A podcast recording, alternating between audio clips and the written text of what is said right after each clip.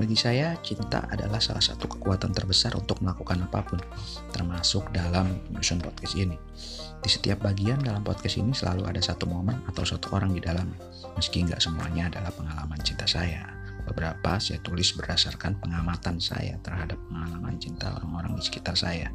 Juga beberapa saya buat sebagai jawaban atas curhatan teman-teman di email, Twitter, Instagram, dan lain-lain. Jika kamu mendengarkan podcast ini, saya berharap berikanlah juga kepada orang yang kau cintai. Kamu boleh mendengarkan dari bagian mana saja, pilih judul yang kamu suka atau suara yang sedang sesuai dengan perasaan.